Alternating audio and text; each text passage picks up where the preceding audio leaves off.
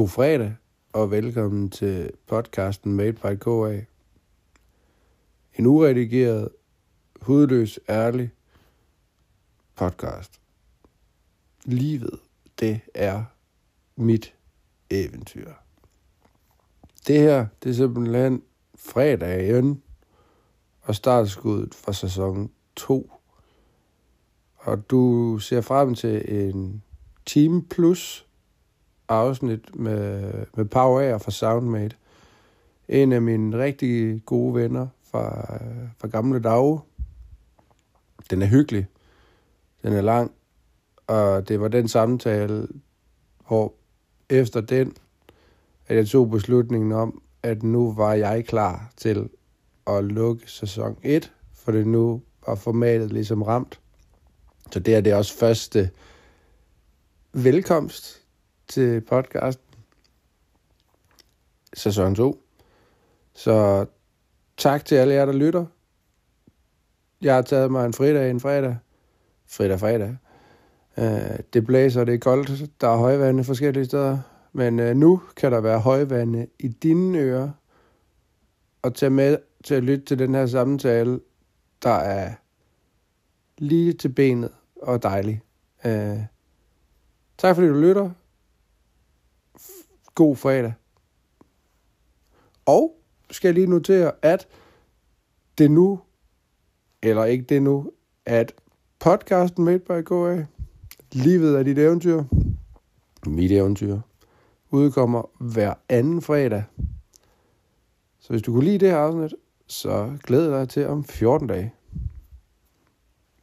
Og god lytning.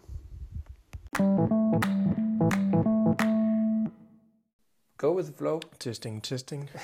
så må vi bare starte. Jamen, øh, det blev så det fantastiske afsnit med Pau og hemmelig gæst. Øh, så, øh, og det er jo lørdag. Så Det øh, det. velkommen til, Pau. Mange tak. Øh, Tak fordi jeg måtte være her og tage min hemmelige gæst med. ja, ja, som sagt, der er en hemmelig gæst, som du ser senere. Øh, hun har så fået lov, hov, og det er også en hund. Øh, hun har fået lov til at afbryde, hvis der er noget, der simpelthen ikke kan vente. Øh, fordi der er jo masser af vigtige ting. Ellers har vi en blog her, hvor vi lige kan skrive ting ned, hvis den anden snakker. Og øh, så er Øh. fri for afbrud, måske også. Øh, der er en ting, jeg også lige skulle sige. Det skal være afslappet, som om, at det næsten ikke bliver op- optaget. Fordi det er det, som jeg godt kan lide ved min podcast. At det skal være helt afslappet, ærligt og ikke redigerbart. Så hvis man skal, man skal stå ved det, man siger. Du får det lige på hjertet. Ja, Du får det Øh, råt og ærligt selvfølgelig, hvis man fortryder, så er man er velkommen til, men så bliver vi nødt til at slette det hele, som ikke må siges. Øh, men altså, jeg vil jo gerne have, at du bare introducerede kort dig selv, Pau. Værsgo. Jamen, øh, jeg hedder Pau Ager, og øh, har en, øh, en relation i forhold til dig. Det er jo der, lige kan starte, at vi, øh, vi lærte hinanden at kende, da vi var teenager og spillede musik sammen, hvor vores trommeslager faktisk hæve dig ind i vores band. Vi manglede en bassist, og det øh, blev dig i en øh, lang årrække, og det blev til øh, en masse sjove timer i, i øvelokalet og øh, på scenerne også, og et godt venskab, synes jeg. Og øh, ja, en masse ud over det, fordi vi stort set hang sammen altid. Øh, os fire, der spillede i band. Øhm, så det husker jeg på som en sindssygt fed tid. Øh, Hvad årstal er det helt talt, hvis vi skal gå helt vi Tilbage. var 15-16 op til vi blev kørekort. Du var den første, der fik kørekort, ikke? Men jeg var også den, i den, en- den gamle af dem. Men er det, er, er det ikke 2003-4 stykker? Så gik jeg på efterskole, så det er før det. Er det før det? 02-03 er på efterskolen. Jamen, fordi jeg mødte Anders på teknisk, eller trommeslageren Ja. i bandet. øh, øh, har mødte jeg jo på teknisk skole, kan Ja. ja. huske. Afklarende grundforløb. Det er rigtigt. Tømmer. Ja, Yes. det, det, må, det må have været i, i to. Det kan godt ske. Jeg kan huske, at vi var oppe og spille på min efterskole. Ja, ja, det kan jeg var også huske. Så øh, Kan du huske, vi var nede og spille øh, på min efterskole, Ja. eller til, faktisk til, til Rasmus' og deres afslutningsfest. Det har været i... Ja, det er også ligegyldigt. Ja. Men det er jo Ja. Er der mere til dig? Jamen, det er jo Ja, bare vores meget relation. Øh, så det, det er i hvert fald der, hvor vores relation øh, starter. Og øh, udover det, udover at være en kammerat til dig, så er jeg jo øh, selvstændig og iværksætter, og øh, øh, har været freelance fotograf i de sidste 12 år, og øh, arbejdet inden for musikbranchen, og gør det stadig. Og nu har jeg så de sidste to og et halvt år lavet mit eget startup, øh, en rejse jeg er på, hvor øh, hedder Soundmate, som ja, hvor jeg er ved at hjælpe musikbranchen og gøre den endnu federe, og gøre det federe øh, imellem øh, artister og fans. Skabe en dybere relation der. Øh, lige nu er vi en øh, streaming-platform, hvor du ligesom Netflix kan gå ind og se høj kvalitets kurateret indhold, og øh, nu er vi ved at lægge en masse andre ting ind under, som bliver crazy i løbet af de næste par år. Øh, hvad er der med at sige? Jamen, så har jeg en dejlig kone og øh, to dejlige børn. Hvad hedder din kone? Hun hedder Katrine. Bum, så er det på plads. Øhm, ja, øh, jeg, så, så bliver, lige den intro bliver du så nødt til at bryde ind i, at jeg har gaver til dig. Ja. Fordi det passer ret godt til i forhold til vores uh, relation, for jeg har haft ryddet op, og undskyld larmen med stolen, hvis det er. Jeg har ikke... Prøv lige at se her, gamle dreng. Jeg ved ikke, om du stadigvæk har nogle eksemplarer. Og jeg har, selvfølgelig har jeg stadig et eksemplar okay. af, min, af, af min første EP nogensinde. Hvad med... Øh, Men jeg er til gengæld... har du sådan en her? Ja, det har jeg også. Har du også det? Ja. Jeg var i tvivl, om du havde. Jeg har 200 liggende op på min forældres loft. Ved du hvad? Så kan det da godt være, at vi skal få en anden gave øh, til dig. Ja. Øh, men, for jeg var i tvivl, om du havde Ja. den. Øh, fordi Men øh, jeg kan ikke huske, hvor den ligger, den her. Øh, det er i hvert Det- fald begge to til dig. tak. Fordi Jeg jeg, kan- har tre. Jeg kan lige sige til seerne, at øh, Lytterne. det er vores øh, første EP, vi lavede øh, øh, med bandet dengang. Og øh, flot artwork her af, af Christian også. Jørgensen, faktisk. Ja, ikke mig. Og øh, det, Jeg husker det så tydeligt. ja, det gør jeg også. Rigtig flot billede med coverbillede. Øh, men tak for gaven. Øh, jeg kan ikke huske, hvor den ligger, den her. nej, men øh, Øh, så jeg er måske i tvivl om, jeg har den. Jeg ved i hvert fald, nummer to EP, vi lavede, har jeg liggende. Så. den har jeg ikke. Okay, så kan vi bytte med den, når vi ses igen, fordi den, den har jeg i hvert fald. Og jeg husker, at vi skulle have alle de her labels på. Var det ikke sidste år, at jeg øh, skulle sende... Fordi du havde ikke den der. Dem, Jeg skulle sende dem- nogle filer til dig. Yes, så, det du har, så du kunne faktisk... Nå, så virker det nok meget godt. Værsgo. Ja, Den er tak. i hvert fald til dig. det er jeg glad for. Øhm... Jamen altså, vi skal videre. Jeg har jo inviteret dig med, fordi, og det her det hænger sammen med alle de her spørgsmål, at øh, vi, der har været lange perioder, hvor vi ikke har snakket, fordi du har skulle en masse, og det har jeg selv skulle leve livet og så videre. Og så mødte, mødte vi hinanden på Ja. Tinderbox sidste år. Ja. Eller er du slet ikke været Altså, nu?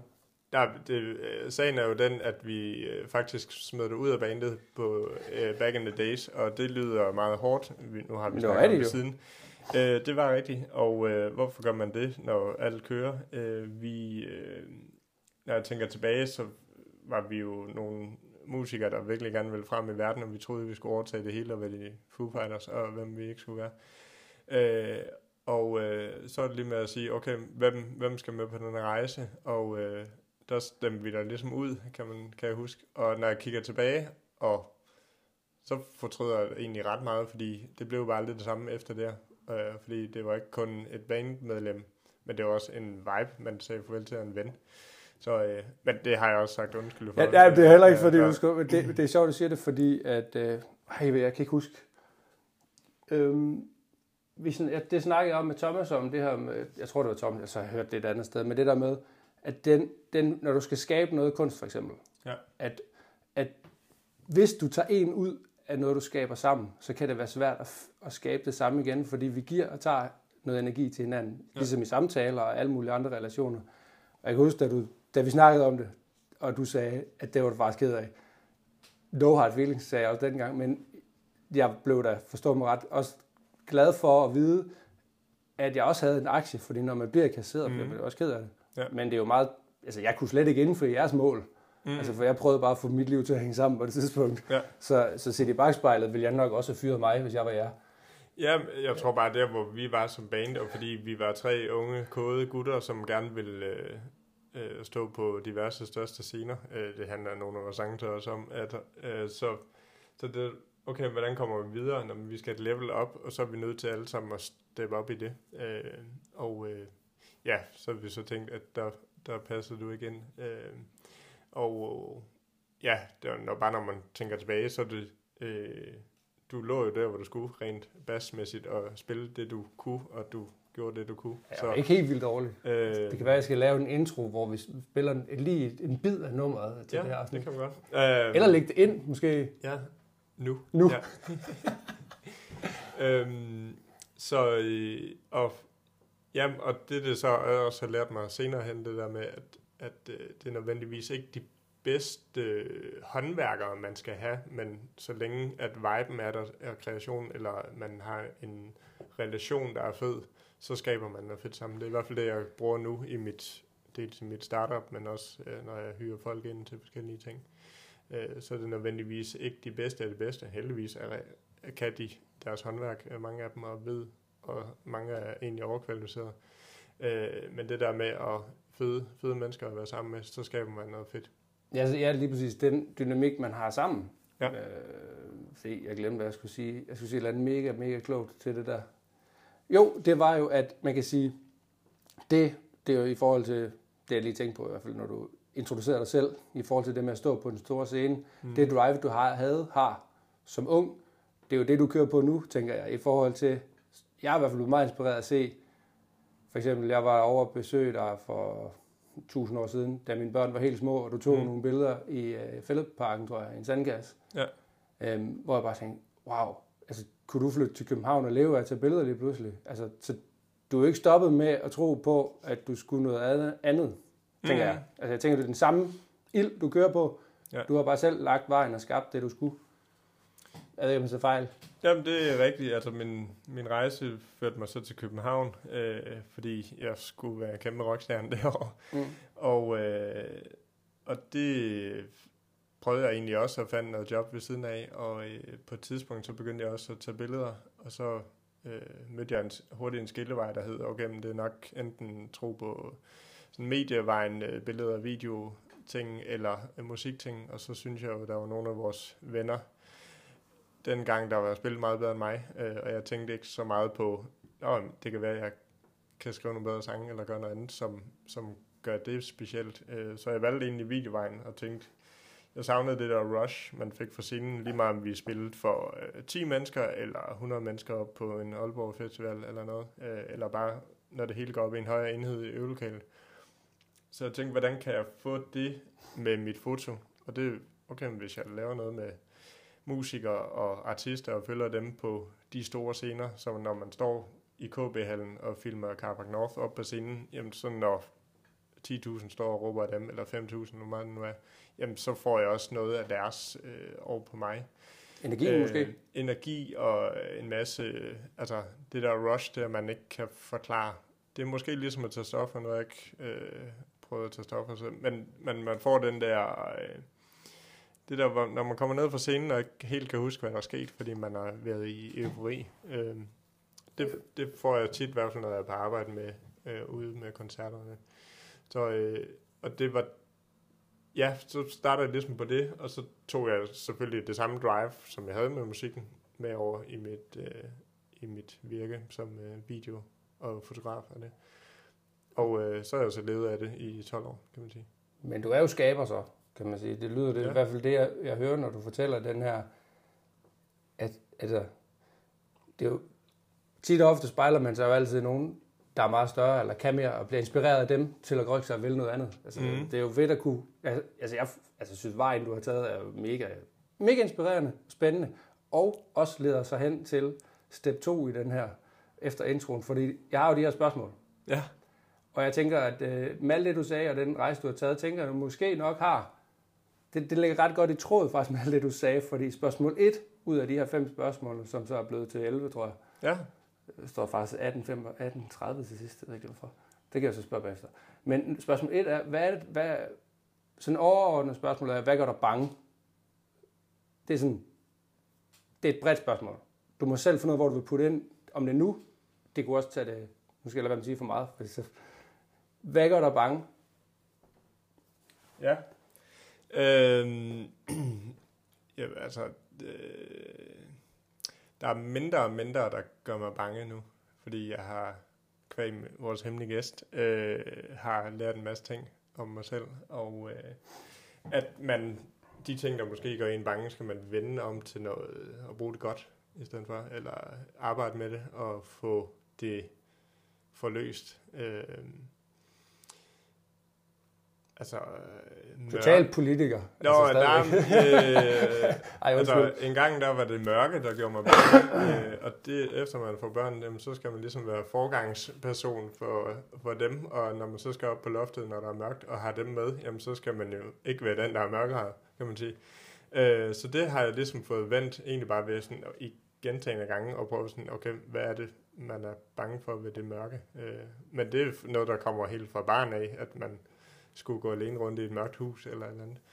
Øhm, hvad hedder det? øhm, Øh, vores hemmelige gæst har helt sikkert nogle ting omkring mig, der jeg er bange for. Eller Jeg kan- må jeg Øh, stille så- spørgsmål ja, anderledes så? ja. Man kan sige, da du, Pau, flyttede fra Lille Middelfart til Store København for at leve af at være fotograf, Ja. hvad var du bange for der? Øh, der er nok altid en frygt for at fejle, øh, og er, er man god nok, og det, øh, og det tror jeg ligger i rigtig mange folk. Øh, og det også det der med at måske bange for at skuffe, og bange for at, ja, at fejle. Øh, og går det nu, og går det ikke. Øh, men samtidig er, også, er det også en drivkraft for at sige, at det skal man. Og som jeg havde dengang med musikken, øh, altså der var det meget let, fordi der var, ikke, øh, der var ikke så mange forpligtelser. Øh, og nu er det er der måske lidt flere forpligtelser, men prøver ligesom at tage det drive med over, og så det ikke bliver en frygt eller noget, man er bange for. Øh, det, jeg vil også sige det på en anden måde, at, at hvis, man, hvis det ikke er lidt sådan leap of faith der, hvor man skal springe ud over klippe, at der er højder, er jeg overhovedet ikke god til. Så det er jeg måske sådan rigtig bange for.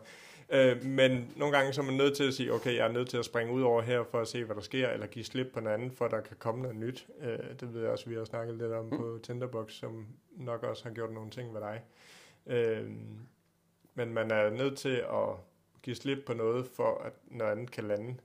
Og det der med nogle gange at tage det spring, der ikke altid øh, føles sikkert og sjovt, men egentlig for at udfordre sig selv, og for at man virkelig, hvis man gerne vil have kæmpe succes med en forretning, eller nu du vil, gerne vil leve af at være selvstændig, øh, det har vi i hvert fald snakket om, så er det så er det vigtigt, at man også giver slip på noget andet, og det kan være tryghed i form af job, det kan være, det kan være øh, folk, man er nødt til at sige fra overfor. Øh, nu ved jeg også, at det snakker vi også om på Tinderbox, at du er nødt til at sige fra over nogle ting, for at du faktisk kunne være med dig selv, og øh, at, at der ikke var alt muligt støj, som øh, i forhold til noget drikkeri og, og sådan. Og det er jo mega fedt, når man overkommer noget af det. Og jeg synes, de der... Jamen, det er jo også en del af frygt og bange og det. Og øh, når man kan overkomme dem, det er virkelig nogle store milepæle. Øh, Jamen altså, nu, jeg ved i hvert fald, hvad jeg skal invitere dig til næste gang, og det skal så Ja. være Bridgewalk, Ja. kan man sige. Øh, Har du været Nej. Ja, Fint. Så lukker vi den der. Ja, Men for det, at, øh, du har ret i, at det her med, at, øh, at det at være bange er nødvendigvis ikke noget dårligt. Mm. Øh, det er i hvert fald også det, der står bag på min flyer. Og det er også derfor, jeg har den her podcast. Ja. Fordi jeg ikke turer som sådan. Man kan stadigvæk ikke se gås øjnene i en podcast. Men, Nej. men det er jo noget, jeg var bange for. Og som du selv siger, bange for at fejle. Bange for, og det og det og det. Men i bund og grund, hvem er det, jeg skal præstere overfor? Det er jo ligegyldigt. Øh, Men det er sådan en helt anden snak. Ja. Øh, vi kan hurtigt hoppe videre til spørgsmål 2, som er lidt en modsætning til. Og det kan vi godt tage nu, sådan i det her, hvor du, hvordan du har det nu. Men hvad er det, der gør dig glad lige nu? Det er. Mm. Jamen, øh, lige for tiden, det der gør mig glad, det er, at der virkelig er Øh, der sker rigtig meget i min lille familie, mine to børn og min kone og mig. Øh, sker der rigtig mange ting, og det gør mig glad, fordi det egentlig får os et bedre sted hen. Øh, der sker rigtig meget i min forretning lige nu, som også gør mig glad. Øh, når man har siddet alene med sin forretning i to og et halvt år, more or less. Så er det det der med, at, at når der virkelig, der er ved at komme nogle nye partnere på, så der virkelig går frem, fremdrift i det, så er det fedt. Og, øh, men det gør også, at der, det gør mig glad, at min familie har det godt, øh, og jeg har det godt, og at vi egentlig er taknemmelige for den tid, vi har sammen. Øh, og, øh, og så lige nu her er jeg glad for at være i det her rum. Så er der, der, der er flere lag i det. Det, det, var, det var mange ting, men hvis du vil- skal vælge én ting, som kun gør Pau glad. Hvis du prøver bare at fjerne alle, der, øh, og så kan vi nemlig fjerne det, der hedder en øh, står det på som spørgsmål. Nej, kærlig egoisme. Hvis du tager, for så, så behøver jeg ikke spørge om det. Det står faktisk heller ikke på. Jo, den kan, vi slår lige den her ind. Hvis den kærlige egoist, hvis du noget, der kun gør Pau glad, til Pau, for Pau, Mm, du kan ikke sige for at gøre noget for andre. Jamen, ja, det jeg øh, niver mig i armen over nogle gange, som gør mig glad stadigvæk den dag i dag, selvom jeg har været selvstændig så mange år, det er det der med, at nogen hyrer mig for det, jeg gør, og så kan jeg sende en faktura, og så betaler de den, så jeg tjener ikke penge, fordi jeg går på arbejde for nogen, der betaler min løn hele tiden. Øh, altså sådan øh, lønmodtager, men jeg tjener penge, fordi der er nogen, der gerne vil have det, jeg kan levere. Det, det kan jeg godt sætte mig i. Det må Øh, være utroligt og Jeg kan tilfredsstillende. stadig huske den dag i dag, den første faktura, jeg sendte, da jeg startede op. 1.500 kroner nu. Til Universal, tror jeg, som skulle have taget et billede af Thomas Holm. Det var stort. Jamen, jeg, jeg sendte min første faktur sidste år. Ja. Øh, og det var meget syret, når man ikke ved, hvordan man gør. Og, Ja, Men det var vildt øh, at gøre det. Altså, det var virkelig, virkelig fedt. Øh, og hver gang jeg gør det, er faktisk også noget, der gør mig glad. Øh, det var et godt svar. Øh, det andet spørgsmål øh, var lavet lidt til en politiker, men, øh, men jeg synes stadigvæk, det er sjovt også at spørge om, for eksempel, hvis du, hvis du vil med til en leg, hvis Mhm. at du går tilbage til dengang Pau sad i sandkassen og kastede sand på gitarristen, måske. Jeg ved ikke, om vi sad i sandkassen sammen. jo, det Men har da vi du gjort. sad der, ja, det tænker jeg nok, I spiste sikkert også, Ja. børn er klamme. Uh, men kan du huske sådan, mange drømmer om at være brandmand, og drømmer om et eller andet, men kan du huske noget, du drømte om i sandkassen dengang? Mm, Jægerpilot. Det der fly der. Øh, Er du ikke for høj næsten til at være det? jo, det var men det vidste jeg jo ikke dengang, fordi oh, det var ikke fuldt, fuldt ud voksen. Øh, det drømte jeg om. Øh, og så da jeg blev lidt ældre, der jeg har altid haft en drøm om at være tegner for Disney. Sjovt, når vi egentlig sidder her blandt det, og den hemmelige gæst er også øh, meget glad for at tegne. Øh, så øh, ja. Øh, så. Ja, pilot og tegner for Disney. Det, det lyder fedt. Ja, det, men det blev ikke til nogen dele. Øh, eller, det- kan det nå endnu. Altså man Ikke kan sige, din, øh, tror din, din virksomhed flyver jo som et jetfly. Badum, ej, det er dårligt. Ja, Øh, øh, så er der sådan en her, øh, som, som også er lidt interessant, synes jeg. Det er, hvad, når du opdager nu, for, for eksempel, altså, du, tager- at du har taget fejl, for eksempel. mm. At, eller du virkelig, det kan være en diskussion med din dejlige kone, eller det kan være et eller andet, du har undersøgt, og det her det er din livsfilosofi, og opdager, at det var forkert. Mm. Eller bare noget andet. Hvad gør du, når du altså, opdager, at du tager fejl? Øh, til tider kan det være svært lige at se i Jeg bliver nødt til at afbryde og sige, ja. Og det som lytterne ikke kunne se, det var et meget, meget specifikt smil til konen. det, det, det bliver, Og nu er du det er der nogen, af- der bliver nødt til at, Ja. ja. at skrive ned. Det bliver du nødt til at spørge til Og- senere. Og nu er du lige afsløret, hvem den hemmelige gæst er. Eh, Nej, nej, der er flere her i lokalet måske. Nå ja, Altså, jeg har en meget stærk personlighed, ja. for eksempel. Ja. Altså, den fylder mig som to. hvad hedder det? Nej, undskyld. det. tit, når man tager fejl, er det oftest svært at se lige med det samme. Kender du måske? Ja, Øh, hvor man så får det videre, og så enten sover man på det, eller går man lige ind i rummet ved siden af og finder ud af, nå godt, det var faktisk mig, der tog fejl 10 minutter efter. Øh, og så tror jeg, det er egentlig bare vigtigt at erkende det, og, eller få snakket om det, og få, øh, få at der komme videre derfra, og så selvfølgelig huske det og gøre det bedre til næste gang. Altså, jeg, jeg, jeg synes jo, det er jo, hvis man ikke tager en øh, parforholdsrelation ind i det, men hvis man tager sådan for eksempel en politiker eller en anden, som har en vigtig personlighed, Ja. som faktisk står frem og siger, det jeg sagde, det var ikke rigtigt. Mm. Det har jeg personligt meget, meget mere respekt for, Ja. end man laver sådan en, ja, men nogle tal sagde, og ja. sig nu bare, jeg tog fejl. Jeg tror, i gamle dage ville jeg nok have bortforklaret den, hvor nu Ja. Tror jeg nok hellere, jeg vil bare sige, hey, det er sådan, det er. Og i forbindelse med lederskab, og det er i hvert fald der, hvor jeg vokser utrolig meget lige for tiden, det er det der med at, i stedet for at komme med undskyldninger, så kom, øh, så vis handling, eller sådan, Mm. der, øh, der er ikke noget men, øh, fordi alt efter et men er bare en undskyldning tit. Eller det er fordi, at... Ja, øh, altså så i stedet for at så trække karakter og faktisk tage den på sig og tage ansvar for det, der er sket. Øh, lige meget om det er, altså om man nu synes, det var rigtigt eller det er- forkert. Virkelig Ja. dejligt karaktertræk, når man tager fejl. Øhm, femte spørgsmål. Er du Mm. klar til det? Ja, Den er vild. find af. Okay, du kan se det derovre. Nej, det skal- det er også lige meget. Øhm, hvad er frihed for dig? Mm. Når jeg cykler en tur i skoven, kan det være det.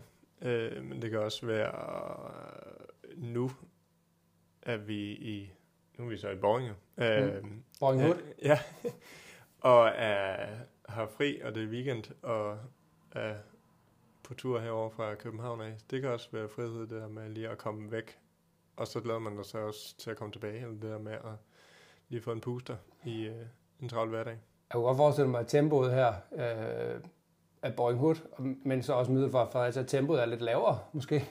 Det er anderledes, lad mig sige det sådan. Ej, er sagt. og det er jo, øh, det er jo noget... Ja, jeg ved ikke, om det er politikers svar, men det er jo bare, nogen er til højt tempo, og nogen er til... Altså, når mine bedsteforældre, de bor lige nede om... Øh, ja, ikke langt herfra. Altså, når de er i København, det, der sker jo sindssygt meget mm. øh, derovre, og når man en sommerferie bare lige er væk i tre uger fra København, så eller bare lidt uden, udenfor, jamen så når man kommer ind til der, hvor vi bor, jamen så er der bare gang i den. Der er flere mennesker, og der er et højere tempo. Øh, og det, men det drive, det er også med til ligesom at holde en oppe, kan man sige. Øh, ikke at man ikke kan have det drive i Boeing, Boeing Hood. Øh, det er jo bare noget andet, øh, fordi det hele går lidt mere i går sådan slow. Altså, fordi folk har ikke nødvendigvis så travlt herovre. Altså, der, er ikke så meget, der er ikke så meget larm. Øh, I mit hoved er der jo ikke slow i Hood, øh, men, men der er meget støj, når jeg er i København.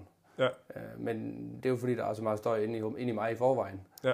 Men, men der er meget inspiration. Mm. Det er faktisk nok en måde bare at dreje det på, i stedet for støj. Så sige, der er meget inspiration i et sted, hvor der er så meget energi som København. Ja. Så altså, når jeg er afsted der, hvis ikke jeg ved, hvor jeg kan trække mig hen, eller hvis ikke jeg ved, hvor jeg kan have en pause for alarm, så bliver, mm. det, bliver jeg presset. Ja. Ligesom på Tinderbox for eksempel.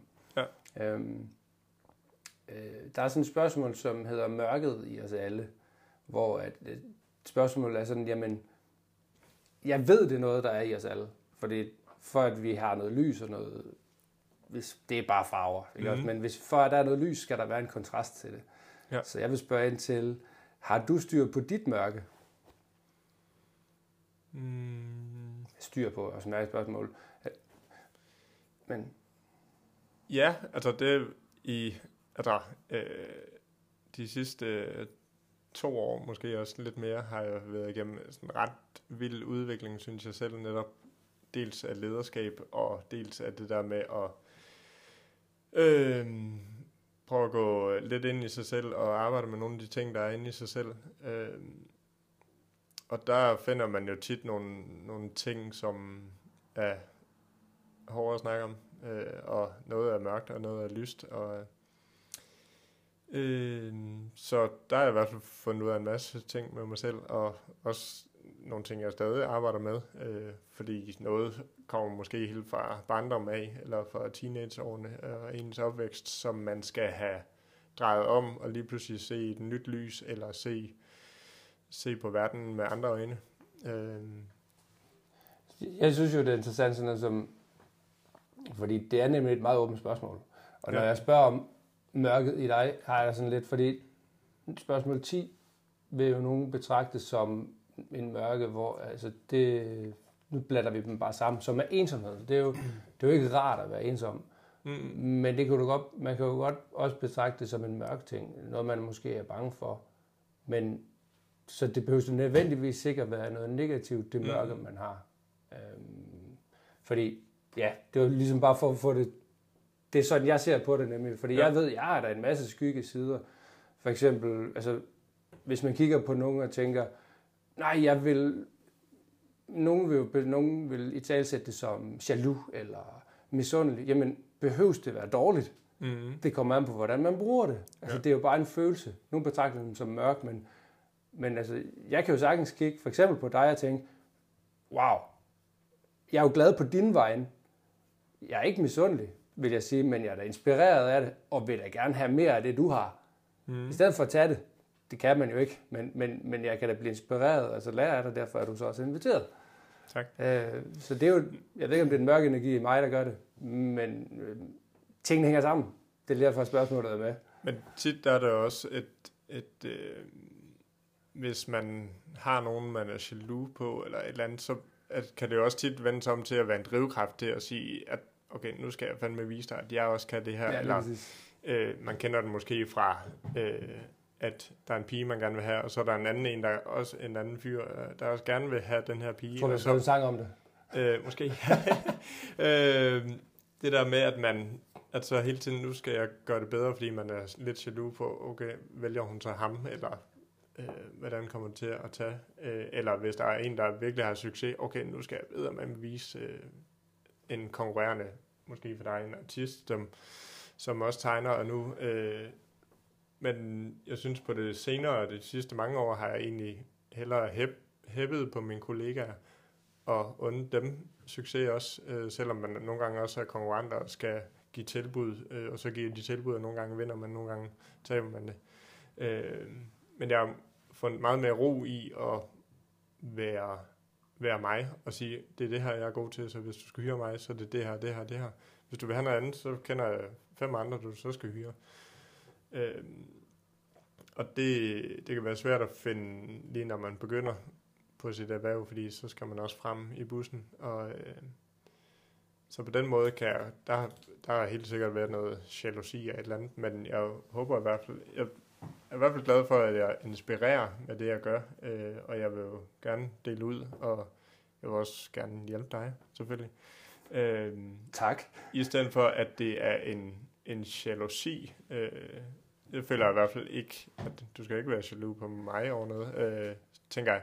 Så det er mere, at hvis du kan bruge det som en drivkraft til at sige, det er fandme inspirerende. Hvis han kan, så kan jeg også. Øh, og nu, jeg har jo også nogen, jeg kigger efter, og øh, min gode kammerat, som også er med i mit firma, som inspirerer mig til nogle ting, som også, altså, man, det der med hele tiden at kigge, have nogen, og ikke at se, nødvendigvis se op til, men som inspirerer en, og kan har gået vejen foran en, som ligesom kan vise en vej, og måske, nu skriver du også en gang imellem, hey, hvad gør jeg her, når man måske lige står fast, så er det måske nemmere for mig, hvis jeg lige har været der, eller været der for to år siden, at sige, jeg gjorde det her, oh, så kan jeg også. Øh, Altså, hvis, hvis, hvis øh, jeg er ikke jaloux i øvrigt. Øh, jamen, men, men nej, nej, det var, jeg ved heller ikke, hvorfor jeg har behov for at sige. I, i sådan en, øh, du er iværksætter, det er jeg også. Jeg har mødt, siden jeg så kalder mig selv, har jeg mødt mange mennesker, og jeg oplever bare, at hjælpe hinanden er meget, meget bedre, end at sidde og være mavesur over, at, Mm. mm. at nogen når et mål hurtigere, eller kan Ja. noget mere, eller i stedet for at sige, jamen, som du selv siger, hæb på dem, fordi man hjælper hinanden. Det er den eneste måde, vi kan komme frem. Altså, det er jo, lave samarbejde. Ja, lige præcis. Ja. Altså, det er, det, det er kæmpe givende. Øh, og jeg er så glad for at blive inspireret den dag på Tinderbox, fordi det er en vigtig dag for mig, den, da vi mødte hinanden øh, med de ting, du sagde. Jeg kan næsten ikke huske det, men jeg var bange for en masse ting, Mm. øh, fordi jeg var bange for at fejle. Og der blev jeg da lige lidt et sted hen, øh, fordi jeg stod et meget, meget usikkert sted øh, på det tidspunkt. Ja. Og så også skete der en masse ting efterfølgende. Øh, og så skal der også lige nævnes, at tit, der, at man måske kigger man på sociale medier eller andre steder, og så ligner det altid, at konkurrenterne er sådan uh, milepæle foran en. Og så skal man nogle gange huske, at uh, inde bag den facade, så sidder der også nogen, og måske kigger over på dig og tænker, shit, han, det går godt derovre, eller sådan, hvor man selv sidder og bokser med noget, og så nu skal man lige prøve at vise et eller andet, eller der bliver lagt et nyt billede op, eller et nyt samarbejde med, med en ny kunde, eller øh, så det der med lige at tænke, han struggler jo også på nogle punkter, eller der, altså, så det er sjældent bare kun opture, der hele tiden er, der er også nogle nedture i en eller anden, anden form, øh, eller et eller andet, der er udfordringer. Jeg tror, vi har to spørgsmål tilbage.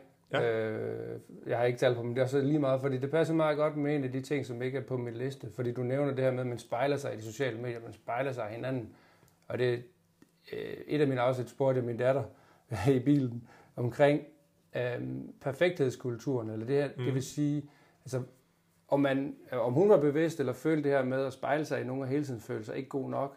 Øh, Maja og Thomas kom ind på det sidste afsnit, som det, det handler så om inspiration, det afsnit vi havde, og det er jo så også noget af det, vi snakker om nu, inspiration, men ja. jeg synes, det er interessant det her med, hvor hvis ikke man er bevidst, eller så er det oplevet, hvis ikke man er bevidst omkring, hvordan man bliver påvirket, for eksempel af sit mørke, eller sin, der hvor man finder sin inspiration. Hvis man bliver ved med at slå sig selv i hovedet, om man ikke er god nok. Øh, så det som, ikke et spørgsmål, men det som vi, vi hvis vi lige kunne vende, sådan som perfekthedskulturen i det, hvor, altså om du har noget til det. Jeg ved ikke lige, med, at skulle spørge, for det er et helt nyt spørgsmål, der, ja. der er kommet, fordi jeg kan se i hvert fald, at, og det er også derfor, hvis vi skal snakke om min podcast vision, er, at den skal skulle være ærlig. Fordi mm jeg vil gerne bare, at, altså tilværelsen i livet er bare nemmere, hvis man lader være med at lyve for hinanden, ja. men primært også over for sig selv, i forhold til, hvorfor gør jeg sådan. Ja. Øh, reflektere over, som også er en af de ting, som min podcast-vision skulle være, at jeg reflekterer meget over mig selv. Jeg kan høre, at du også reflekterer meget over dig selv, men det kan være, at du har fået hjælp af den hemmelige gæst til at kunne det. Ja. Øhm, men Lidt. hvis at min podcast skulle noget, og meget af det, som jeg gerne vil røre ved, for eksempel med det kunst eller de andre ting, jeg gør, det er reflektere over egen adfærd, men også hvordan man bliver påvirket af det udefra. Mm. Det var langt svar til, til hvorfor, men ja. perfekthedskulturen. Det, øh, jeg tror, man skal... Det vi i hvert fald har bokset med øh, i, i vores familie, eller sådan min kone og mig, at øh, på det sidste der med at sige, okay, hvor hvordan skal man bruge forskellige folk, i i hvert fald i de nære relationer, og så skal man måske også, øh, når man kigger rundt på Instagram, også have ens venner, og dem man ikke kender, og nogle af de store celebrities, eller hvad man nu kigger efter, øh, lige husk at trække en masse procent fra, fordi det tit kun det, det har det i hvert fald været for år tilbage, så det er tit kun det, det øh, gode, man ser øh, og det er flotte øh, hjem, der bliver vist frem, og så kan man egentlig vende kameraet, og så er der ruder det i resten af hjemmet. Øh, og de der perfekte idealer også, nu er vi jo så forældre begge to, så det der med, at, hvordan skal man være for at være en rigtig forælder, jamen hvis vi gør det på vores egen måde, og øh, nu har jeg også lyttet til nogle andre podcasts, det der med, hvis man bare kan ændre lidt fra, øh, hvad ens forældre gjorde, og så til næste generation, øh, hvis man gør det. Øh, det prøver jeg i hvert fald at bestræbe mig på at gøre selv, jamen så, så har man i hvert fald kunne gøre lidt øh, til det. Det ved jeg ikke, om det giver mening. Ja, det, det gør det. Altså, jeg vil sige, det at blive forældre, det er nok sådan selvudviklingen på amfetamin-agtigt. Du skal simpelthen rykke dig så meget. Ja. Hvis du så også har, øh, man er som oftest også i et barforhold. Men ja. det er jo også bare selvudvikling. Men mindre man bare sidder fast. Men ja. altså det at blive forældre, det, det er ikke for alle. Øh, og, men jeg kan da huske det. Og det, det, det giver sgu noget. Altså, og de bliver ved med at give de kære brødre. Ja. Uh, nu er det nogle andre ting for mit eget vedkommende, når de snart er 15, den ældste ja. ikke. Altså, men jeg kan tydeligt huske det med små børn. Altså, wow. Men der lærer man at blive omstillingsparat. Apropos at være iværksætter også. Skal, altså, et, hver dag man møder op, så kan der komme nogle nye udfordringer. Det kan der også på et 8-4 job. Det er ikke det, jeg siger. Øh, men man skal hele tiden løse problemer eller udfordringer til at komme igennem øh, de ting, der nu måtte komme ind fra siden, som påvirker et, et øh, nyopstartet startup, eller en iværksætterrejse, eller en selvstændig rejse. Det var virkelig godt svar. Øh, jeg tror, jeg bliver nødt til at lige trykke pause, for jeg skal lige hoste helt vildt meget. Øh, så jeg trykker lige pause, i stedet for at klippe det ud. Okay. Øh, og så jeg skal lige strække benene og have en blus på os. Så jeg trykker lige pause, og så, kan vi, så runder vi det her afsnit af bagefter. Jeg ved ikke helt, hvordan endnu. Det finder vi ud af. Okay. Men jeg trykker pause nu. Ja. Jeg vil med, at du lige giver instrukser med, hvor jeg skal sætte mikrofonen. Og det. Den kører, ja? ja. Yes, så er vi tilbage. Så, ja, øh, jeg synes, vi har været igennem de spørgsmål, der er, øh, og jeg har skrevet en masse. Øh, så hvis vi skulle slutte af og runde af på noget, så var det jo sådan noget som, der spurgte, om du ville være med. Så sagde du ja, det vil du godt. Ja. Men, sagde du så, så satte du nogle krav. Øh, så sagde du, jamen du vil gerne være med, men det krævede jo, at, at jeg skulle sætte nogle mål for, for hvad det hele gik ud på. Ja. Og det, der var interessant jo, det var også noget, vi snakkede om. Vi har jo skrevet sammen øh, nogle gange over det seneste år. Mm. Øh, og øh, så jeg skulle mig lave mig en podcast, Vision, som ja. jeg så faktisk har glemt at lave til i dag. Tur. Men, øh, men, men fordi podcastdelen er noget, som er tilføjet til den, øh, til den virksomhed, jeg har, som hedder kunstner og kreativ entreprenør. Ja. Fordi jeg ved ikke, hvad jeg skal kalde det, fordi jeg sprang bare ud i det med at sidde og tegne nogle etiketter, så tegnede jeg nogle portrætter, og så blev det ene det andet, og så, jamen, du skal lave en podcast? Nej, det skal jeg ikke, så lavede jeg det. Øhm, og det hele er meget, meget spændende, men som sagt, og lytterne, hvis man har lyttet fra afsnit 1 til nu, der er ikke helt en plan. Og der sagde du, der kunne du måske være behjælpelig. Det er også derfor, du har taget en gæst med. Nu kommer listen frem, kan jeg se derovre. Så jeg der synes, nogle... hvis vi skulle runde den af, så var det i hvert fald for at så runde det, for nu har jeg jo bare bedt dig om at svare på en masse spørgsmål. Ja. Øh, jamen, øh, du sagde bare til mig, at du var i gang med at lave den her podcast. Ja. Og, øh, og nu ved jeg, at du er i gang med at bygge dit brand, og hvis der er noget, jeg arbejder med, øh, så er det jo branding og marketing og formater, og jeg kan være i mit øh, job og virke som øh, fotograf og videomand du må jo korse dig, når du ser mine sociale medier nogle gange, og du tænker, hold kæft, der er meget råd. Men, uh, yes. Jamen, så det er let at få ryddet op i noget måske, og lige få klargjort nogle ting. Du skal sige til, når jeg skal skrive ting ned. Ja, det skal jeg nok komme til. Uh, okay. Fordi jo skarpere du er på, hvad du laver, jo nemmere er det for modtageren, lytteren her, men også uh, modtageren for din kunst, at vide, hvad det er, sådan, de skal få for dig.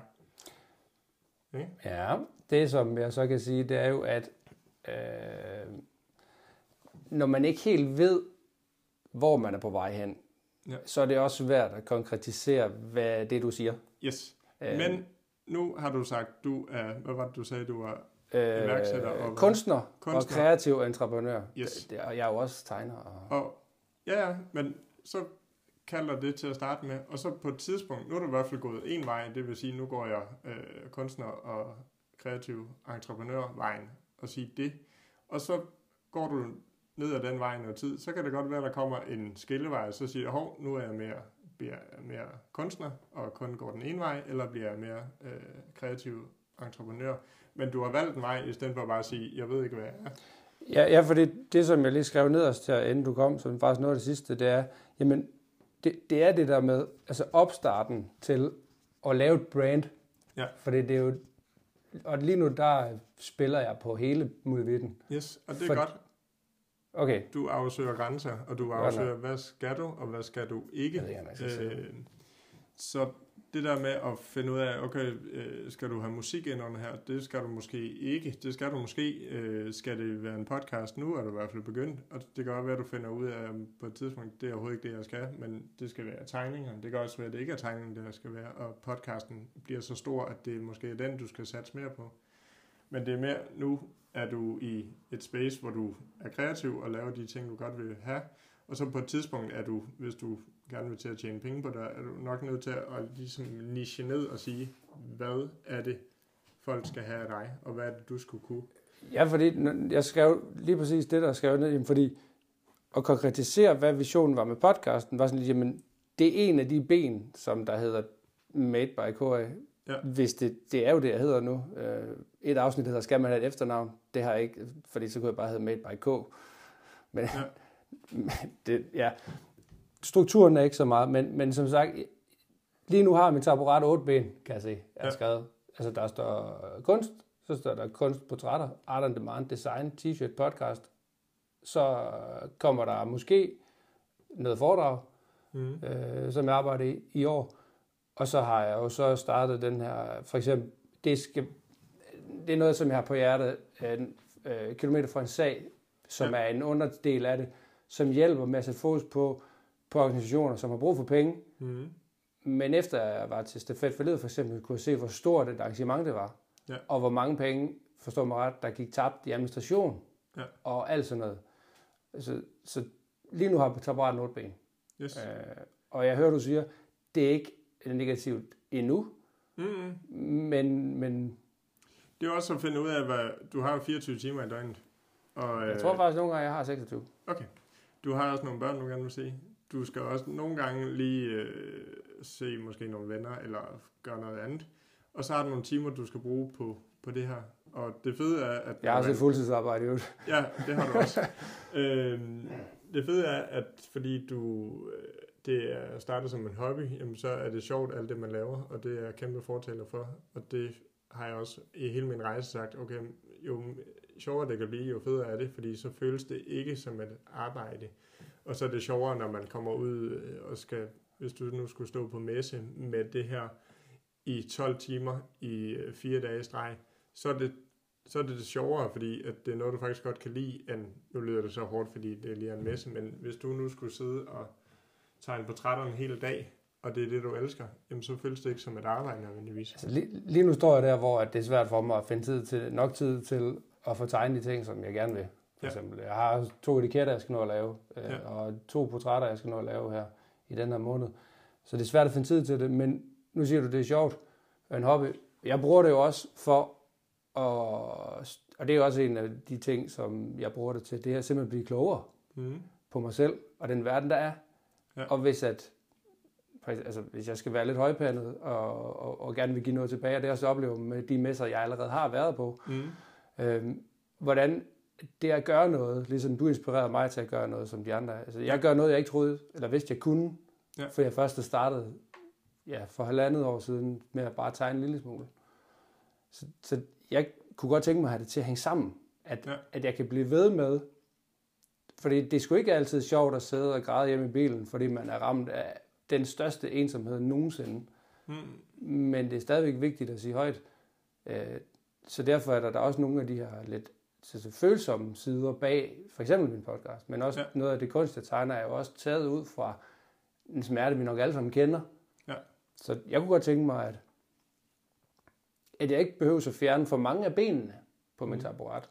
Men det er fandme svært at få det til sådan, at jeg kan se, at det bliver svært at se og, og få ens, altså hvis man skal leve af det, for eksempel. Jamen, altså fordi det er svært at skabe kunst bare for at leve af det, så det kan jeg ikke. For jeg kan ikke bare sætte mig ned og tegne et eller andet, der er magisk. Fordi det kommer på de mærkeligste tidspunkter. Ja. Da jeg ude at løbe, inden du kom, for eksempel, og det, jeg nåede at skrive to noter ned, men hvis jeg bare dog havde haft mit tegne malegrej med der, havde der sådan været noget mega fedt. Ja. Det er også derfor meget af det, jeg indtaler, er jo taget altså lige der. Ja. Fordi det er der, jeg synes, der er spændende at være. Ja. Øhm, så det er det, jeg prøver ja. på. Men det kan da godt være, at jeg skal se... Jeg ved ikke helt, hvad der virker endnu. Øh, jeg skal jo heller ikke gøre mig til... Det er jo ikke mig, der skal bestemme, hvordan du skal køre Nej. dit brand. Jeg kan komme med nogle guidelines til, hvad, hvordan man i hvert fald kan køre nogle revenue streams, som det hedder. Det ved jeg ikke engang, hvad det betyder. Øh, nej, indtægts, indtægtskilder. Øh, Ja, ja. øh, ind på forskellige af de her grene. Øh, og på et tidspunkt, hvis man vil leve af det, så bliver man også nødt til at sige, okay, hvor, hvor er det pengene er henne, og hvor, hvad er det, jeg synes, der er sjovt at lave, og kan vi finde en, en, øh, en balance der, så det stadig er fedt, hvor der også kommer penge ind på, på den kunst, eller på, du kan jo tjene penge på din podcast også, når den bliver større, eller det kan du egentlig nu, hvis der er nogen, der har lyst til at sponsorere den, eller øh, du lægger den et, et bestemt sted.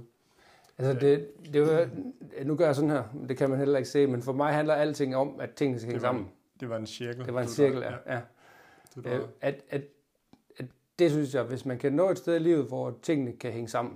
Ja. For eksempel, når jeg laver en frivillig indsamling for ADHD-forening, mm, selvfølgelig er det, er det for at samle penge til ADHD-foreningen, for jeg kan se, at, at samtalegrupper og det at snakke om tingene, apropos perfekthedskultur, gør, at vi alle sammen bare er mennesker. Og hjernen, ADHD-hjernens udfordring, den er mere normal, end vi faktisk har troet, Ja. tror jeg. Eller vil jeg mene. Jeg ved det nemlig ikke. Jeg kan bare se, at det at kunne spejle sig i nogen, øh, er kæmpe vigtigt.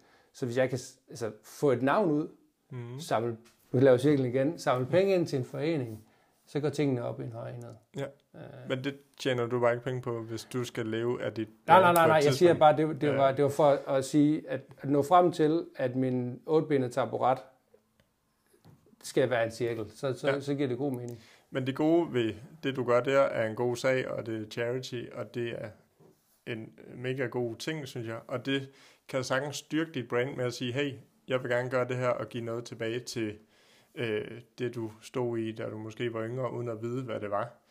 Øh, når jeg, det er jo så også det, jeg gerne vil sige nu, når jeg, jeg har hørt noget af podcasten også, og har været en del forvirret også, fordi man ved ikke helt, hvad man får, og nogle afsnit er et minut lange, så er der nogle tre minutter, så er der nogle lange snakke.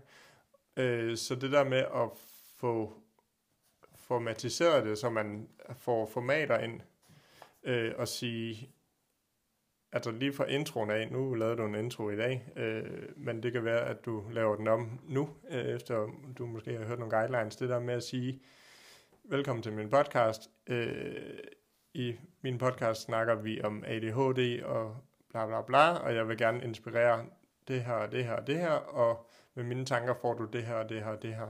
Så man ved med for lytterne fra starten af, hvad er det, man får på den her samtale, man skal høre lige nu. Øhm, jeg, jeg gjorde det ikke i starten, men jeg er begyndt op til hver afsnit at lave en kort intro. Ja. Om ikke andet, så står, det, står der noget tekst, hvor at hvis man kan nå at læse det, nu ved jeg selv, nu har jeg lyttet til meget podcast, at tit der kommer det bare. Så, så noget, noget intro, siger du, vil være en... En intro, som mere eller mindre er den samme hver gang. Nu hører jeg Christian Fuglendorfs, øh, hvad så? Han siger, hvad så, hvad så der? Det er Christian Fuglendorf, velkommen til min podcast. Øh, og det gør han hver gang. Man ved, hvad man får. Man ved, hvad man... Øh, ja, hvorfor man skal lytte til ham. Og øh, han forklarer lidt om gæsten, han nu går med af det. Og, øh, men du kan godt, nu er du, han er, så har så en lidt større podcast, men Lidt. så, du, så du, kan, du kan prøve at ligesom sætte nogle ord på, hvad er det, hvorfor er det, man skal lytte med her? Øh, er det til andre, der har ADHD, du gerne vil prøve at inspirere, og, og, og så de kan spejle sig i dig og inspirere? Det er i hvert fald sådan, sådan som jeg ser det, øh, det der med, at nu går du vejen, øh, og du har selv fortalt mig, at der er en yngre dreng, der spejler sig rimelig meget i dig det kan være, at det lige er præcis din kernegruppe, det er ham, og så alle de andre, der har måske ADHD, som ikke ved, hvor de ellers skal gå hen, fordi mange måske er sat i en, nu siger jeg også, en forkert boks her i samfundet, fordi man har det med at i røven, eller man ikke lige øh, bliver øh, taget hånd om der, hvor man er i sit liv, og ikke passer ind i de andre bokse, vi ellers er sat i. i øh. Men jeg kan også det, jeg, jeg bliver lidt udfordret nu, øh, fordi at, øh, jeg har selv lyttet meget til Christian Fuglendorf, og en kæmpe mm. inspiration af hans podcast også. Og jeg er også bange for at bare, du ved selv, dengang du lavede musik, hvor meget du adapterer andres lyd Mm. øh, og andres format. Øh, Ja. Og jeg ved godt, at man kunne tage på et kursus og lære, hvordan det virker, Mm. fordi det er sådan majoriteten, flertallet vil have det. Ja. Ja. Var, jeg vil gerne ramme noget som, apropos skabe noget, som ikke er ligesom alle de andres. Jeg ved godt, at så, kan det, så indsnæver man nok det en hel del. Men, men jeg vil heller ikke ende op med at have en podcast, som handler om ADHD kun. Mm. Selvfølgelig, den skal handle nok, ja, selvoptaget nok, det skal handle om mig. Ja. Men alligevel ikke om mig. Det skal lige så meget være til alle. Ja, Øh, nej, ikke til alle, fordi hvis man rammer alle, så rammer man ingen. præcis. Det var den kloge mand, der hed Pau, der sagde øh, i, i går. Øh, og det er nemlig heller ikke det, men jeg vil gerne have mit eget udtryk. Ja. Men selvfølgelig lytter jeg 100% til, hvad du siger. Man Men- skal så vide det. Ja, øh, og du skal jo også have dit eget udtryk, og for at du... Du skal jo ikke sige det samme, som de andre siger i podcasten nødvendigvis. Du skal bare komme med en intro, som man ved, hvem du er, eller hvorfor man skal lytte med. Og det behøver ikke kun være ADHD, men det kan blandt andet være det. Og så er der nogen, der hører med på grund af det, og nogen hører med på grund af dig Men som hoved, person. hoved, hovedpunktet er sgu inspiration til at Jamen- gøre, til, ved, til ved, med, ved, med, vil mere med sit liv. Yes, jamen så er det så er det, det. Altså, hej velkommen til min podcast. Til dig, der gerne vil finde inspiration og vil mere med dit liv. Det kan godt være en intro. Faktisk en ret god intro. Så kan du tage den, og så kan du bruge den hver gang. Må jeg det? Det er copyright uh, Pau, uh, Pau Air. Øhm, det er bare for at sige, at du skal jo gøre det til dit, og ligesom med musikken, så jeg kan huske, da Dyné og Veto, de kom ud nærmest øh, samtidig, og de lød sindssygt meget som hinanden, og lige pludselig begynder de at skille sig fra hinanden, fordi man lytter mere og mere til dem, eller så kommer der noget ud, ah, det lyder som Coldplay. Det gør det måske lige de første øh, par måneder, og så lige pludselig begynder det at være sin egen gren. Og det samme med det her, du laver en podcast, det, det er måske meget inspireret af forskellige, og hvorfor ikke må blive inspireret? Du skal jo blive inspireret. Du har Jamen, jeg er jo selv inspireret af nogen til at starte. Ja, Øhm, og det skal du også være. Og så på et tidspunkt, så bliver du ned ad din egen kanal, altså, så går du væk fra de andre, fordi så slår du dig op på nogle Jamen, andre ting. du taler nok ind til det, mit spørgsmål, for jeg er jo nok også bange for bare, bare forstå mig ret. Nå, men det er jo bare ligesom alle de andres. Øh, Jeg, jeg gider nok ikke være ligesom alle de andres, for jeg har Mm. prøvet at være ligesom alle de andre altid. Ja, så du det skal- er jo så sjovt nok, øh, nu skal jeg lige bange her, for så kan det være, jeg kan huske, hvorfor jeg skrev det. det jeg mener, det er, at hvis du ved, hvad du snakker om, og hvad du gerne vil med hele dit mm. brand, og hele øh, din podcast og tegningerne, hvis du ved det, så er det også nemmere for din modtager at forstå. Oh, det er guldkorn, kan jeg mærke. Og så må du gøre det på præcis den måde, du vil. Det er jo bare for at have en genkendelig intro, så Ja. man ikke nødvendigvis skal sidde og høre nu øh, 55 minutter igennem for at finde ud af, hvad, Ja, det er langt. hvad man egentlig øh, får fra Christian Asmussen eller KA. Øh, og øh, så, så det, var, det var i hvert fald en af, af noterne. Øh, Vi tager en mere, og så skal vi altså snart høre øh, den hemmelige gæst, kan er Men vi skal have totalt- dine guldkorn med. Ja, det er total uh, cliffhanger, øh, fordi at nu når vi er lukket ned, inden øh, hun får lov at sige noget. Hvad, nej, hvad, var du færdig? Jeg tror, jeg har en tilføjelse til at gøre det meget kort, for det her Pau han også sidder og siger, "Ah, hej, mit navn er Katrine. det er både mig, der er hemmelig gæst, og kone til Pau. Øhm, det, som jeg vil tilføje herfra, eller til det her, det er jo, forestil jer at tage det over i jeres univers igen, at du har lavet en CD, og hvis du ikke putter noget på coveret, hvis du ikke putter noget film på selve pladen, så tiltrækker du ikke nogen, fordi der er ikke nogen, der går ind i det ukendte. Vi vil meget hellere være det komfortable ind i det ukendte. Så vi vil hellere lytte til en dårlig CD igen og igen og igen, eller den samme igen og igen og igen, end vi vil tage den der CD, der bare stadig er helt hvid, vi ikke ved, hvad der står på. Fordi så træder vi ud i det ukendte. Så hvis du bliver ved med at være anonym og ukendt, så bliver du ved med at afholde dine lyttere fra det. Hvorimod, hvis du tør putte et cover på det, uanset hvad for en farve det har, uanset hvad for nogle bogstaver du putter på, uanset hvad du skriver på det, så tillader du faktisk, at folk kan begynde at tænke, okay, den tager jeg. Så, så lad det her være et cover på din CD, som er intro. Det, som jeg tænker, når du siger det, er, altså, i og med, at der ikke er sådan en... Altså, den røde tråd, altså den... Altså, du skal give nogen muligheden for at vælge noget, og når de ikke ved, hvad de vælger, så vælger de det jo ikke. Lad mig tage, eller give dig et spørgsmål. Når du er ude at handle, køber du så det med pris på, eller det uden pris på? Hvis der ikke er pris på, så spørger jeg til prisen. Jo.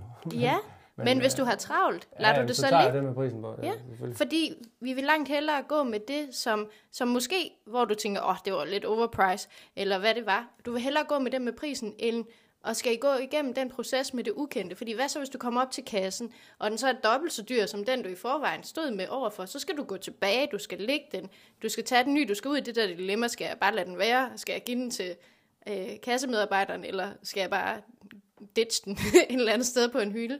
Du, du sætter folk i en situation, hvor de skal ud i så meget ukendt, så de, de går bare med den sikre, og det er at tage den øh, med pris på.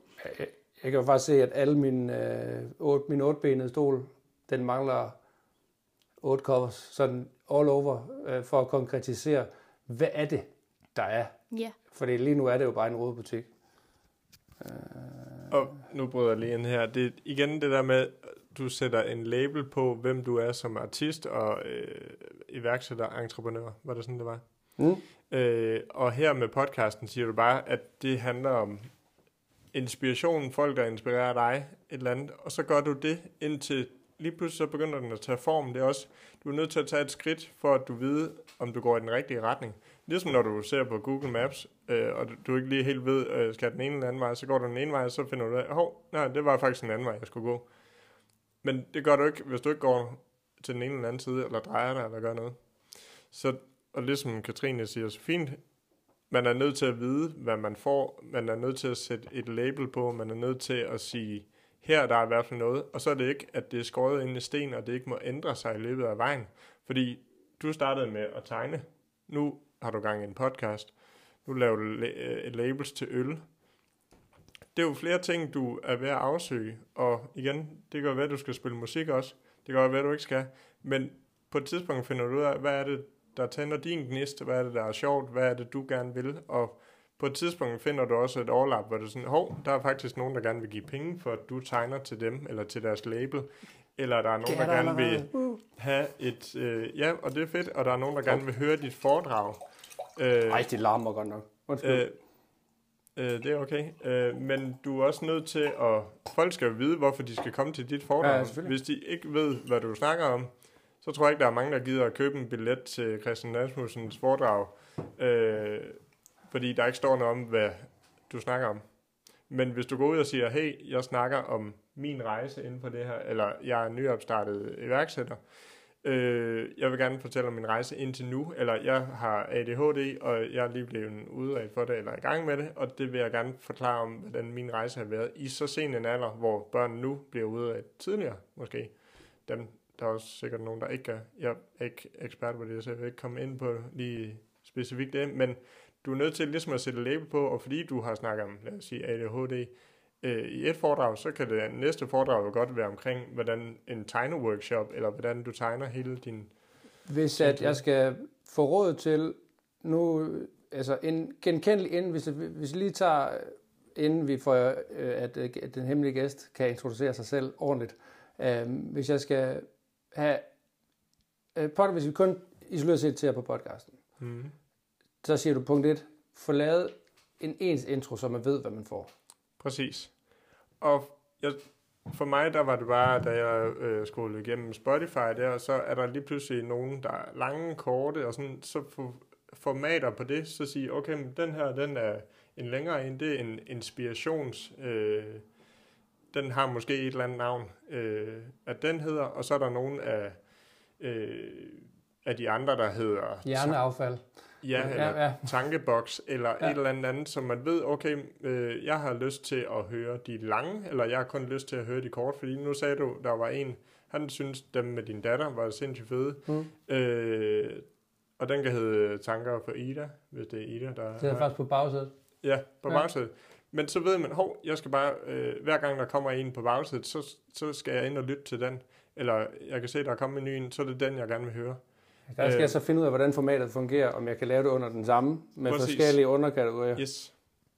Det kan du godt, så, øh, og det kan også være, at du skal lave to forskellige kanaler til, men at prøve ligesom at niche ja. ned, og så måske også øh, lige træde et step ud, og så tænke, okay, er det øh, en et minuts podcast, er det til dig selv, eller er det mere til, er det noget, der giver værdi til andre, eller er det, giver det mere værdi til dig selv? Altså, det, det, til at starte med var det jo kun til mig selv, jo. Det var i stedet for at råbe mig selv, jo. Det var sådan, det hele startede. øh, Øh, og, og det er ikke, at det ikke må komme ud, det skal jeg ikke øh, være til øh, herre for, men tit, når jeg, øh, nogle gange, hvis jeg har brug for at komme ud med noget, jamen, så skriver jeg måske noget øh, på min computer, et langt dokument, og så er det ligesom skrevet ud, men skal jeg sende det ud og skrive det på Facebook? Det synes jeg personligt ikke, jeg har brug for. Og ikke at jeg skal dømme, hvad der er rigtigt eller forkert, men nogle gange så, at noget bliver jo en, nu har du en, Ja, ja, ja. med din dagbog, noget bliver, noget bliver i dagbogen, og som jeg ser det, der er noget af det af et minuts ting, også øh, tanker, du skal ud af hovedet, og så er det måske til en brainstorm eller noget andet, som måske skal det ud, måske skal det ikke. Det kunne også være, at det kunne pakkes ind til en intro til afsnittet med os, eller den næste, eller et eller andet, hvor øh, eller du kan klippe ind, når der er en, du snakker med. Det kan også være, at du skal snakke med nogle andre inden for, øh, måske nogle andre, der er ADHD eller sådan noget, og høre om deres tanker. Det ved jeg ikke, om der er nogen af dem, du har snakket med, der har, det. Det har, Øh, der har der været. Okay, fedt. Øh, jamen så er der måske, øh, så kan man spørge, hey, har du også tanker ligesom det her, og så kan du afspille klippet øh, for dem, og så for lytteren også. Så øh, nu er tiden øh, rent over en time, men jeg synes ligesom ægte, rigtig irriterende cliffhanger, synes jeg, at vi skal invitere den hemmelige gæst, øh, og så kan hun så introducere sig selv i næste afsnit igen, og så... Øh, Øhm, så vil jeg afslutte det afsnit med at så spørge, øhm, oh, jeg har en sidste ting. Øh, det, som man, hvis man vil have virkelig god Nu laver han, succes, øh, gåseøjne. gåseøjne med, så er det også det der med, hvor, hvor tit kommer en podcast. Hvis hver, hver afsnit kommer, lad os sige, en gang hver 14. dag, eller en gang hver uge, hver fredag, eller hver onsdag, eller hver søndag, hvornår det nu passer, så ved lytteren også, hov, jeg skal, jeg skal øh, lytte, tune ind på din podcast hver torsdag, fordi der kommer der et nyt afsnit af dem, jeg godt kan lide. Så ved de, hvornår de kan forvente det, og glæde sig til det. Og det kaldes øh, kontinuitet, øh, som, og det er key til succes, kan man sige. kontinualitet, det er et svært Ja. ord. Det er det. Kontinualitet. Hvad, Yes. hvad er det, siger man det på engelsk? Continuity. Continuity er succes. Yes. Uh, fanden. Fordi Måtte jeg sige noget? Du bliver Ja. ved jo Ja. med at trække tiden. Sorry. Fordi så vil, kan jeg bare lave en cliffhanger. Vil du være med i et afsnit mere på et tidspunkt? Det vil jeg gerne, ja. Fordi at, øh, så kan jeg arbejde med alle de ting, øh, som jeg har fået ind på der, og så se, hvad det giver. Fordi jeg kan jo kun sige, at øh, ikke nok med, at du er en inspiration, så giver du også en masse gode feedback. Den sidste ting, nu skal jeg nok gøre det kort. Jeg vil gerne have, at du skriver en liste over, hvad succes er for dig. Øh, fordi nu snakker vi, hvad, hvad er succes for podcasten? Det er, hvis vi, du får, hvad var det, 4.000 afspilninger. Det kan lige så mange som Manu Seren på to år. Så der, Okay. det er højt. Det er 600.000. Godt, så skriver du, så skriver du mål for øh, 20... Det er faktisk det er stort set. Mål for podcasten, må jeg ikke skrive det? Jo.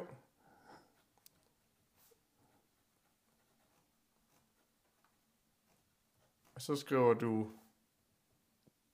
600.000 afspilninger Åh, Det, det får en lille smule ondt i maven at skrive det. Inden 2025. Ikke? Det er inden for to år. Eller hvornår, hvornår skal vi... Vi kan tage fra i dag af. Og så kan vi i hvert fald snakke sammen om to år. Igen. Kan vi ikke snakke sammen før? Jo, det kan vi også. Øh, Men Jeg så, synes, det er længe at vente.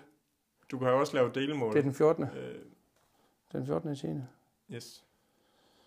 Fordi Tiende. hvis universet ikke ved, hvad du gerne vil, så er det også svært ved at hjælpe dig. Jeg har lige sagt til universet, at uh, keypoint er, at de skal sælge mit hus. Super. Det er også cliffhanger til næste, Ja, ja, ja lidt næste episode. Men tak for, øh, tak for, at jeg kunne få lov til at skrive meget usultreret af min bog. Øh, og tak for, at du var med.